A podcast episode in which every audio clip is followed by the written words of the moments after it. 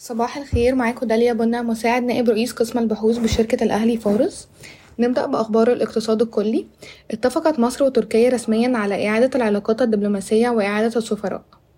وكشف رئيس البورصة المصرية عن وجود محادثات مع عدد كبير من الشركات الخاصة لإدراجها في البورصة في قطاعات البتروكيماويات والطاقة والسياحة.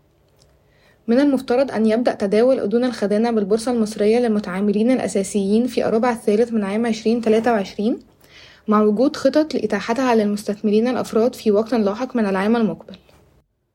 وافق مجلس إدارة سيدي كري للبتروكيماويات على تقرير التقييم المالي المقدم من المستشار المالي المستقل بيكر تيلي لشركة سيدي كرير وإيثاتكو ستعلن الشركة عن نسبة المبادلة النهائية بمجرد الموافقة عليها. وبحسب صحيفة المال أعلنت المصادر أن نسبة المبادلة ستكون حوالي واحد فاصل خمسة مرة وأن قيمة سهم سيدي كرير بعد إتمام الصفقة ستصل إلى واحد فاصل خمسة دولار للسهم. تم حساب هذا الرقم بشكل خاطئ لأنه يضيف ببساطة تقييم الكيانين ويقسم حسب العدد الحالي لأسهم سيدي كرير في الواقع بمجرد حدوث الاستحواذ ستصل ستصدر سيدي كرير أسهما جديدة ليتم مبادلتها بملكية 80% المتبقية في إيثاتكو مما يعني أنه سيتم إعادة حساب تقييم الكيان الجديد. نذكرك بأننا قدرنا قيمة مؤسسة إيثيدكو بواحد فاصل تمانية مرة بي سي لكن قيمة حقوق الملكية إيثيدكو هي واحد فاصل اتنين مرة بي سي نظرا لاختلاف في ملف الديون بين الشركتين لأن ديون إيثيدكو المستحقة تبلغ 250 مليون دولار أمريكي. ستنفق شركات الطاقة متعددة الجنسيات إيني وشيفرون وأكزون موبيل وشيل وبي بي مبلغ واحد فاصل تمانية مليار دولار أمريكي لحفر خمسة وتلاتين بئر للتنقيب عن الغاز في البحر الأبيض المتوسط ودلتا النيل خلال العامين المقبلين.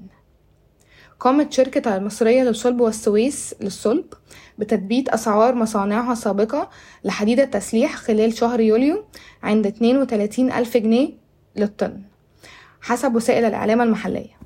وجاء التثبيت نتيجة الاستقرار النسبي لسعر الصرف الأجنبي في الفترة الأخيرة بالإضافة إلى تباطؤ أسعار الصلب العالمية. تخطط مصر لتقديم تراخيص 5G قريبا وتدرس حاليا المتطلبات الفنية والمالية وفقا للصحافة المحلية. ستبدأ مصلحة الضرائب المرحلة الرابعة من طرحها لنظام الاستلام الإلكتروني الجديد في 15 يوليو 2023 وستكون الشركات التي تم إنشاؤها حديثا مطلوب منها بدء إصدار الإيصالات الإلكترونية لجميع المعاملات بين الشركات والمستهلكين اعتبارا من هذا التاريخ.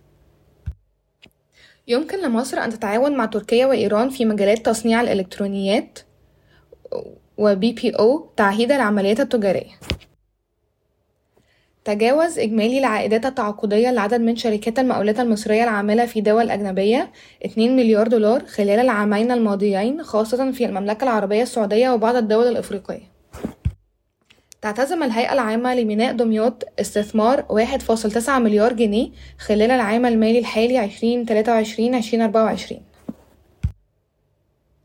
خفضت شركة بايونيرز بروبرتيز للتنمية العمرانية حصتها في المتحدة للإسكان والتعمير من 35.1%